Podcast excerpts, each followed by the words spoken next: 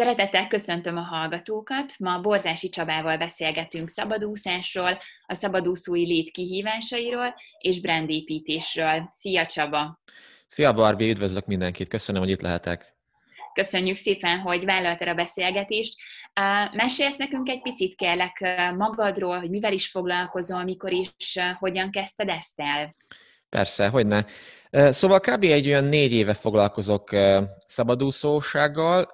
Én exkluzív a külföldi piacon dolgozok, ezen belül nagyrészt Amerika, és főleg direct response copywritingot csinálok, aminek talán Magyarországon az egyik legközelebbi megfelelője az a marketing szövegírás lenne, csak hogy itthon azt figyeltem meg, hogy ez alá veszik azt is, hogy blogírás, meg cikkírás, meg minden ilyesmi. Tehát én csak marketing stratégiák kifejlesztésében, e-mail marketing, illetve olyan jellegű ö, szöveg és kampányok megtervezésében veszek részt, amelyeknek elsődleges célja, hogy mindenképp konvertáljanak és hogy mérhetőek legyenek.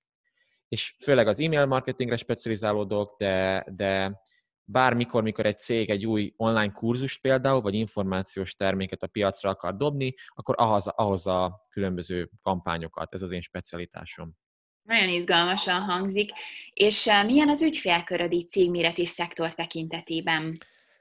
Ez, ez, ez eléggé változott az évek folyamán, de jelenleg az utóbbi kb. másfél évben főleg olyan külföldi online cégekre specializálódom, tehát ilyen 7-8 számjegyű online cégek, tehát azt jelenti, hogy évente egy vagy 10 millió dollár körüli bevétele van, akiknek már azért van egy marketing büdzséjük, mm. és néha külső konzultánsokat vesznek fel, tehát én csak külsősként dolgozok nekik gyakorlatilag, és valamilyen fajta információs terméket árulnak, tehát tanítni akarnak, vagy bizonyos módszereket, vagy kurzusokat, vagy könyveket, coaching programokat, mhm. vagy hasonló jellegű dolgokat. Uh-huh. Akkor nagyon széles egy a, a repertoár tekintetben is. Hát igen, illetve a, a szabadúszással alapból jön az is, hogy az ember azért sok mindent lát, uh-huh. Kicsit olyan, mint hogyha egy agency-nél dolgozna, csak talán még jobban széles körű, és még jobban ő tudja megválogatni a dolgokat. Tehát már dolgoztam, vagy nem tudom, 70 kliensem szerintem biztos volt eddig, különböző kliens, és mindenfajta szektor, mindenfajta termékcsalád, egy csomó fizikai terméktől, információs termékig, vállás, voltam már, tehát voltam már olyan copywriter, aki, aki néger középkorú nőknek kellett írjon, voltam már olyan, aki szexshopnak kellett írjon, voltam mm-hmm. már olyan, aki óramárkáknak, meg, meg kriptovaluta, meg ilyenek. Szóval nagyon izgalmas tényleg. Ez abszolút elmondható akkor, hogy nem egy sablon szerint kell dolgoznod, hanem... Hát nem. hanem igen, igen. Um, beszélgessünk egy picit a szabadúszó létről, mert én úgy látom, hogy Magyarországon nincs még igazán kiforrott működési modellje, nem mindenki mer bátran szabadúszókat alkalmazni, de mit tapasztalsz, milyen a hazai megítélése és egyáltalán az igényre itthon? Uh-huh. Hát ez egy jó kérdés.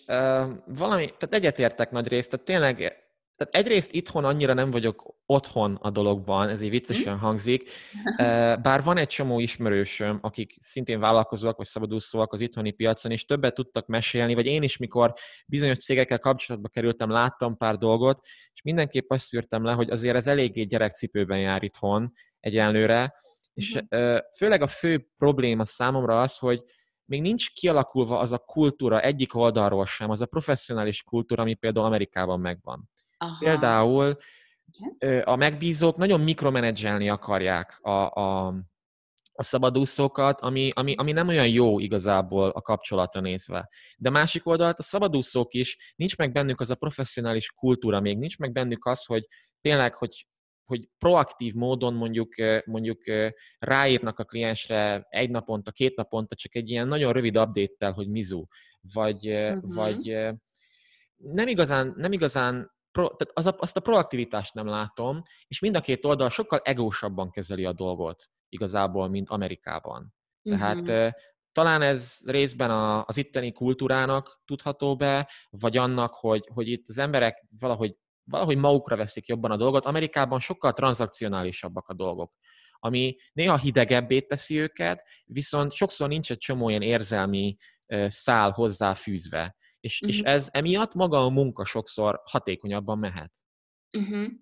elképzelhető, hogy itthon még kicsit úgy állnak ehhez a fajta munkavégzéshez is, mint hogyha egy ilyen hagyományos jellegű együttműködés lenne? Tehát, hogyha mint a munkáltató is beosztotja, így, így állnak szerinted hozzá? Ó, vagy? abszolút, abszolút, Aha. szerintem igen, és én is, mikor lett volna pár alkalom, hogy dolgozzak magyar kliensekkel, de, de nem igazán volt jó fit, mert, mert már első pillanattól kezdve láttam, hogy, hogy nagyon követelőzőek lennének például, vagy, Aha.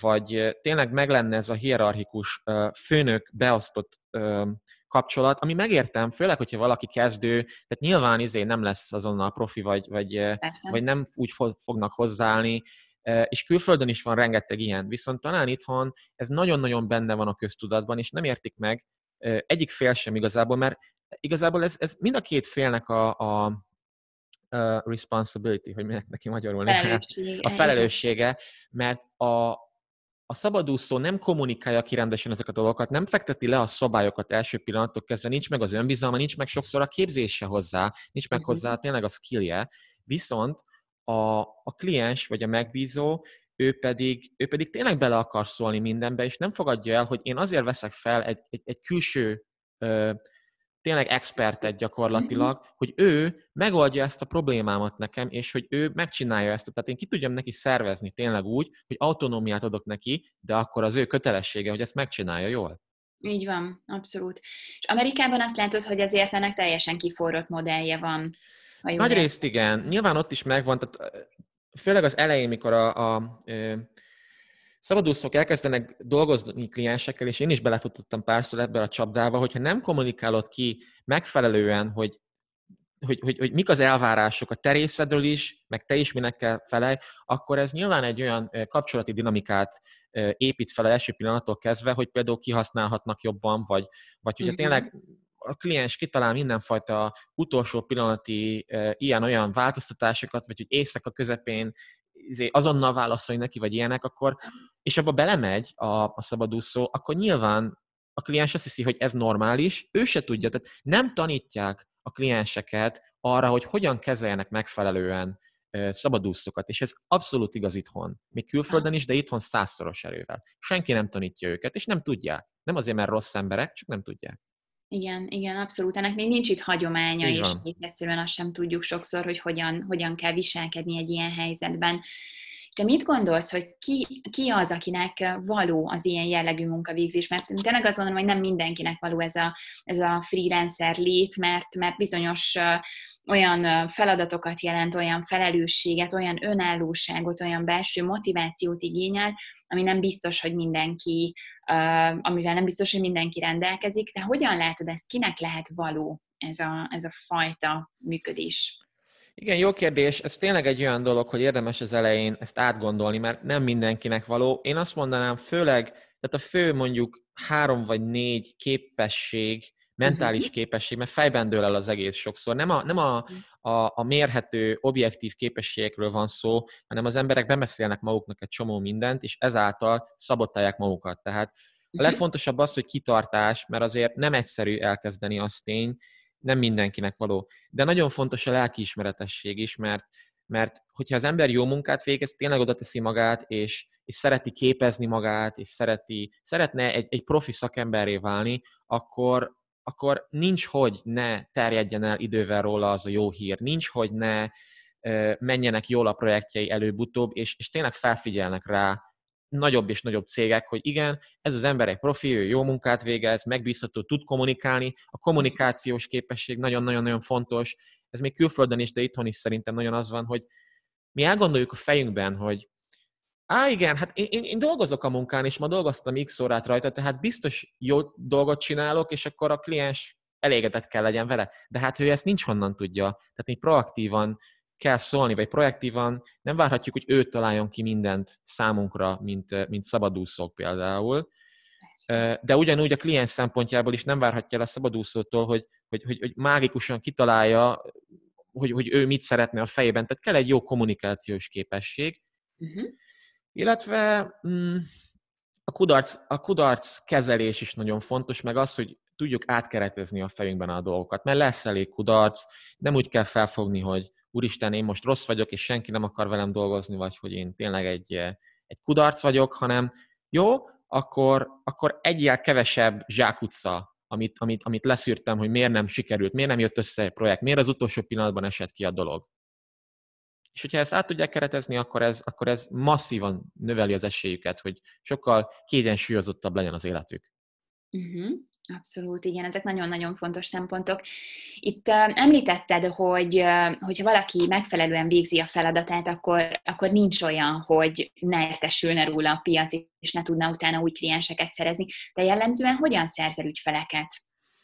Hát jelen, tehát most már eljutottam arra a szintre, hogy azért inkább referenciákból, referálásokból és, és különböző ilyen magasabb szintű szakmai csoportokból, az iparágam, iparágamon belüli szakmai csoportokból jönnek ügyfelek, de, de általában olyan kontextusokból, hogy mit tudom én, vannak ilyen olyan profi fórumok, amiben benne vagyok, és akkor hozzászólok proaktívan bizonyos embereknek a, a problémáihoz, csak úgy tehát anélkül, hogy elvárnék valamit igazából, adok nekik valami értéket, és akkor egy bizonyos százalékuk simán rám ír, hogy jaj, köszönöm szépen, amúgy nem tudná nekem segíteni ebben, vagy abban, vagy amabban, és akkor elkezdünk beszélgetni, megnézzük, hogy tényleg tudok-e segíteni nekik, hogyha igen, akkor, akkor elkezdünk együtt dolgozni. Viszont azért ide el kell jutni, tehát az elején én upwork kezdtem például, azért ezt mhm. szerintem Magyarországon is már, már sokan ismerik, a Fiverr-t azt nem, nem ajánlanám senkinek, mert azért ott tényleg nagyon az van, hogy a kliensek kihasználják a, a, a szabadúszókat. Aha. De a Forkön igazából elkezdtem tényleg keresni a projekteket, és akkor gyakorlatilag ráírtam azokra az emberekre, akik hirdettek olyan-olyan dolgot, és akkor egy bizonyos százaléka összejött. Tehát már elég jól az első pillanattól kezdve. Aztán később, ahogy Uh, ahogy építettem a YouTube csatornámat, meg a saját weboldalamat, meg ilyesmi, például YouTube csatornából is jöttek ilyen olyanok, vagy van egy elég responsív e-mail listám, én nagyon nagy híve vagyok az e-mail marketingnek, mert egy mm. nagyon, nagyon személyes kommunikációs mód, ha jól csinálják az emberek, és nem csak akció, meg vásárolj most e-maileket küldenek, hanem tényleg megnyílnak, sztorikat ö, osztanak meg emberekkel. Ez, ez, ez fantasztikus lehetőség, és ingyen van gyakorlatilag, miután megépíti az ember tehát abból is jönnek azért ilyen olyan projektek, vagy, vagy, vagy coacholok néha embereket, vagy ö, most, ö, most múlt héten fejeztem be egy, egy, egy termék, tehát egy új terméket dobtam a piacra, amit meg is négy nap alatt izé be is töltöttünk 25 diákkal, ez egy 5 hetes termék, és az is csak e-mailen keresztül ment gyakorlatilag. Na hát, ez nem semmi. Um, és most pont, ahogy így említetted, hogy mennyi csatornáról érkezik, és um, az is hallatszik ki, hogy azért így folyamatosan érkeznek megbízások, mert én azt gondolom, hogy itthon nagyon sokaknak az a félelmük a szabadúszói léttel kapcsolatban, hogy nem olyan könnyen tervezhető, mint amikor munkavállalóként dolgozik az ember egy cégnél. Ugye ott folyamatosan bejelentve dolgozik, kapja a feladatokat, kapja a fizetését, és szabadúszóként ez kicsit kiszámíthatatlan, hogy mi lesz a következő hónapban, lesz-e megbízásom, de hogyan vélekedsz erről, hogy lehet ezt jól csinálni, hogy lehet bebiztosítani a magát az embernek? Uh-huh.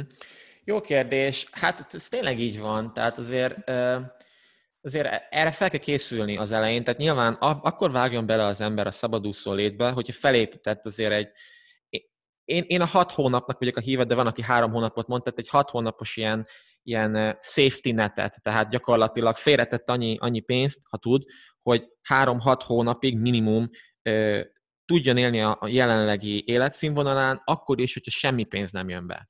Uh-huh. És azért érdemes így, én például nem így kezdtem. Én úgy kezdtem, hogy ö, kacifántos utakon jutottam oda, hogy, hogy, hogy, hogy muszáj volt muszáj volt működésre bírjam ezt az egész szabadúszó dolgot, és, és nem sok, tehát nem sok megtakarított pénzem volt igazából, tehát volt vagy 300 ezer forintom, vagy valami ilyesmi, amiből a, tehát éreztem azt, hogy igen, akkor ezt, ezt be kell durantani hamar. Viszont emiatt azért stresszesebb is volt. Tehát nyilván mindset szempontból egy teljesen más dolog, hogyha az embernek van egy, van egy, egy ilyen safety netje, ennek nem tudom a magyar megfelelőjét, bocsi. Biztonsági háló. Hát biztonsági háló, nem tudom, hogy ezt mondják-e így, de igen. De hogy, hogy legyen ez, mert mindset szempontból sokkal jobb. Viszont az tény, hogy a legsikeresebb vállalkozók és a legsikeresebb szabadúszók is, hogyha később meghalljuk a sztoriukat, szinte mindenkinél megvolt ez a mód, hogy így tényleg így lement így a, a Styx folyó partjához, így az alvilágba, mm-hmm. és mhm. akkor gyakorlatilag ott barangolt egy kicsit, és le kellett menjen oda, hogy aztán fel tudjon jönni exponenciálisan. Szóval ez az eleje. Viszont ugyebár organikusan változik a, a szabadúszó karrier, és az elején nehéz, és tényleg az van, hogy néha nem jönnek kliensek, néha abba is belemegy az ember, olyan emberekkel dolgozik, akikkel legszívesebben nem szeretne, csak azért, hogy olyan valamennyi pénz. Viszont egy idő után, hogyha már van egy bizonyos tapasztalata, van egy portfólió, vannak sikerei, megtanult egy, egy, egy szakmát úgy, ahogy jól, akkor viszont biztosabbá válik, mint egy úgynevezett biztos munka, mert a cég, a nagy cég csődbe mehet, jön a Covid, izé leépítenek több ezer embert, vagy valami pont most olvastam, a Disneyland 27 ezer embert, vagy mennyit csak Amerikában kirugott, és azok az emberek, hát hogy, hogy képzik át azonnal magukat, hogy fognak, tehát hónapok, ameddig, ameddig újra uh, tudnak találni egy, egy úgy, ahogy megfelelő munkát. Viszont, hogyha az ember szabadúszóként azért már bizonyos szintre eljutott, akkor hiába eltűnik egy kliens, teljesen hozzá van szokva, hogy oké, okay, hát akkor szerzek más. Tehát akkor most épp egy picit jobban oda teszem magam pár napig, vagy egy hétig, hogy, hogy jobban uh, nyissak bizonyos emberek felé, legyenek beszélgetéseim, és akkor abból lesz új projekt. Szóval egy kétélű bár mindenképp. De úgy is könnyű elbízni magunkat, és ez egy olyan dolog, amit később bele, szinte mindenki beleesik, hogy ha már beindul a dolog, elbízza magát, én is beleestem ebbe a problémába, és akkor hip-hop történik valami, az ember elveszti azokat a kliensét, akikkel épp azonnal dolgozik, és akkor megint ott van, hogy ja, most nincs semmi, de közben kiestem a rutinból, hogy, hogy szerezzek aktívan új klienseket, és akkor megint Aha. kell pár hónap, hogy, hogy, hogy újra bedurranjon a dolog. Úgyhogy ja, ezekre fel kell készülni, fel kell készülni, félre kell tenni, és, és abban a mindsetben kell lenni, hogy semmi sem tart örökké, én csak fejleszem magam a képességemet, és akkor jó lesz. Uh-huh. Igen, ezek, ezek nagyon-nagyon fontos, fontos szempontok. Azt gondolom, hogy egy ilyen nagyon életre való hozzáállás ez. A másik része, ami nagyon fontos, és azt látom, hogy te nagyon aktív vagy ebben, és azt gondolom, hogy nagyon érdekes és hasznos tanácsokat tudnál nekünk adni ezzel kapcsolatban, ez a brandépítés. De hogyan látod szabadúszóként, mikor kell ezt elkezdeni, és mire kell figyelni, hogyan kell brandet építeni? Uh-huh. Hát érdemesebb minél hamarabb nyilván, viszont nagyon sokan azt javasolják, hogy ah, izé, csinálj bizniszkártyát, meg, meg, meg, meg agonizálj hónapokat azon, hogy hogy nézzen ki a logód, meg a dizájnod, meg legyen nagyon szép weboldalad, mert különben nem tűnsz elég professzionálisnak, főleg mhm. itthon szerintem ez van. De az az igazság, hogy mindez gyakorlatilag azt vettem észre magamban is, másokban is, meg rengeteget olvastam a pszichológiai hátteréről ennek, Aha. hogy igazából ez csak, egy, ez csak egy ilyen önállítás arra, hogy később kezdjük el a valós dolgokat ami az, hogy kezdjünk el kinyitni különböző potenciális kliensek felé. Kezdjük el izé, meggyőzni őket, hogy, hogy legyen egy, egy, egy 20 perces Zoom beszélgetés, hogy lássuk, hogy miben tudnánk egymásnak segíteni, vagy ilyesmi. Tehát effektív szélzelni kell magad, és az emberek a szélztől félnek a legjobban általában, igen. és olyan, olyan pretenciók alatt, hogy á, igen, én most épp, építem a weboldalamat, és mióta épül? Hát két hónapja is, de, de, de, de még nem, nem nyitottam senki felé, de majd mikor kész lesz, akkor, akkor mm-hmm. majd fogok. És ezzel olyan szépen el tud menni egy csomó idő. Ez ugyanolyan, mint, mint mikor valaki azt mondja, hogy én könyvet akarok írni, úgyhogy még nincs is igazából nagy tapasztalata, vagy valami, és akkor évekig írja a könyvét, de közben ez is csak egy önállítás arra, hogy, hogy a perfekcionizmus leple alá bújva ne kelljen azokkal a tényleg érzelmileg stresszelő helyzetekkel um, találkozni, mint a sales gyakorlatilag. Szóval Igen. visszatérve a brandépítésre, nem a profi design a fontos, nem a business kártya a fontos, hanem az, hogy kezdjük el, úgyse lesz profi az elején, úgyse lesz perfekt, úgyis végig kell menni azokon a hibákkal, mert így működik a világ, és, és teljesen oké. Okay. Tehát, hogy néha beég az ember, én mindig azt szoktam mondani, hogy a legjobb tudásod szerint, tehát a jelenlegi legjobb tudásod szerint a leglelkiismeretesebben próbáld meg megcsinálni, aztán lesz, ahogy lesz.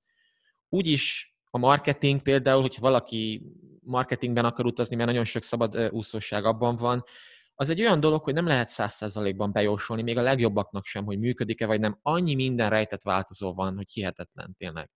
És Persze. az ember tegye oda magát, legyen lelkiismeretes, kommunikáljon jól, és, és akkor, ha el is rontja, akkor is tud, igazából gyakran tud jó uh, utóészt hagyni a kliensben gyakorlatilag. És uh, úgyis azt számít, hogy tudok-e segíteni valakinek megoldani a problémát, meg tudom-e csinálni megbízhatóan, és hogy nem -e fogom elkomplikálni az életét. Ha ezt meg tudom csinálni, akkor ez maga a brandépítés az elején főleg. És azután, ami nagyon fontos, és amire én is ráálltam aktívan, hogy, hogy tartalomgyártás. Tehát a tartalomgyártás a legjobb brandépítés, YouTube csatorna, blogolás, podcast akár, akármi, amiben valaki, aki fel akar venni egy, egy szabadúszót, és nem tudja pontosan, hogy mit csinál a szabadúszó, olyan, mint ez a marketing szövegírás, nem tudják sokan, hogy miről szól, hogy akkor most író, editor, korrektor, mit csinál igazából. És hogyha mi csinálunk aktív tartalmakat ezzel kapcsolatban, akár csak ellenzünk saját, saját izé, projektjeinket a múltból, Aha. akkor azzal már nagyon sokat segítünk a klienseknek, és az a legjobb rendépítés szerintem. Igen, igen, abszolút. Ezek a gyakorlati tapasztalatok is ezeknek a megosztása, mert uh-huh. azt gondolom, hogy itthon főleg nagyon, nagyon óvatosak jellemzően a szakemberek így a magukról és a munkájukról való kommunikációban, mert nagyon vékonynak érzik azt a, azt a peremet, amikor már még őszintén kommunikál magáról, és mi az, ami már kicsit nagyképűnek hathat, és itt a kettő között kell ugye pontosan a tartalomgyártással és a, az igazán hasznos anyagok gyártásával megtalálni az uh-huh. egyensúlyt. Abszolút. Um, még egy, egy kérdésem lenne hozzád, um, azzal kapcsolatban lennénk kíváncsiak a tanácsaidra, hogy uh, szerinted, aki azon gondolkozik már régóta, hogy szabadúszóvá váljon, de nem mert még lépni, uh, hogyan induljon el, mit, mit tudnál neki tanácsolni? Hát a legfontosabb dolog az lenne, hogy tényleg hagyjuk azt a perfekcionizmust, mert én is beleestem a tébában, szinte a problémában mindenki beleesik, hogy próbálja perfekten csinálni, főleg egy, egy olyan kis országban, mint nálunk, ahol azért, azért kicsi az a szakmai réteg, csak pár tízezer ember mondjuk, vagy százezer ember maximum, vagy valami, akik között lehet mozogni, és tényleg megértem, hogy jogosan félnek az emberek attól, hogy ha én lejáratom magam az elején, akkor az kitudódik, és me- milyen ciki már, és senki nem fog felvenni, vagy valami.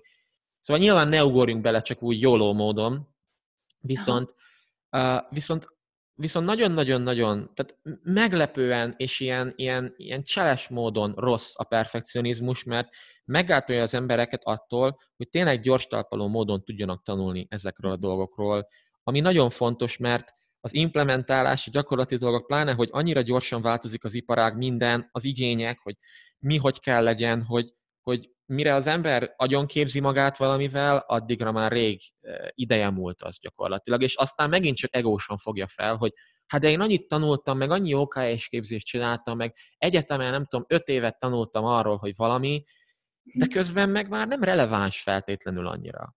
Igen, szóval, igen. szóval a perfekcionizmus a, a legnagyobb ellenség szerintem, és, uh-huh. és én aktívan azt szoktam mondani a, a szabadúszó ságra vágyó embereknek, hogy aktívan vegyék magukat vegyék a kezükbe a dolgokat, és, és kezdjenek el olvasgatni róla, kezdjenek el egy bizonyos szintig, minél széles látókörülben különböző szögekből megvizsgálni ezt a dolgot, és aztán csak próbálják meg. Nem a világ, hogyha nem is sikerül, legalább le tudja az ember, hogy na jó, ezt is megpróbáltam, még fiatal vagyok általában, mit veszíthetek? Hát nem sok mindent. Igen. Szóval szerintem mindenképp érdemes, tudom, hogy nem mindenkinek van, és az a, az a fájó igazság, hogy nagyon sokszor írnak nekem emberek e-mailt, vagy, vagy megnézik egy videómat, és azt mondják, hogy ú, annyira fel vagyok csigázva, így szeretnék tényleg én is belevágni, és mit csináljak, és adok nekik egy nagyon-nagyon-nagyon szimpla dolgokat. Figyelj, olvasd el ezt az egy könyvet, vagy, vagy, vagy olvass el három cikket, nem tudom, a, a saját blogomról akár, és, és írd le a három fő ö, érdekes dolgot, amit tanultál belőle, és ír nekem egy e-mailt vissza róla. 95%-ban nem csinálják meg az emberek. Tehát ahogy egy egyszerű dolgot adsz nekik, amiben egy picit már dolgozni kell, vagy egy picit, pedig ez tényleg az abszolút minimum, akkor, akkor már feladják. Tehát nagyon sok mindenki fellelkesül, erre is kell vigyázni, nagyon sok mindenki fellelkesül pillanatnyilag, hogy fú, ez de jó lenne. Mhm.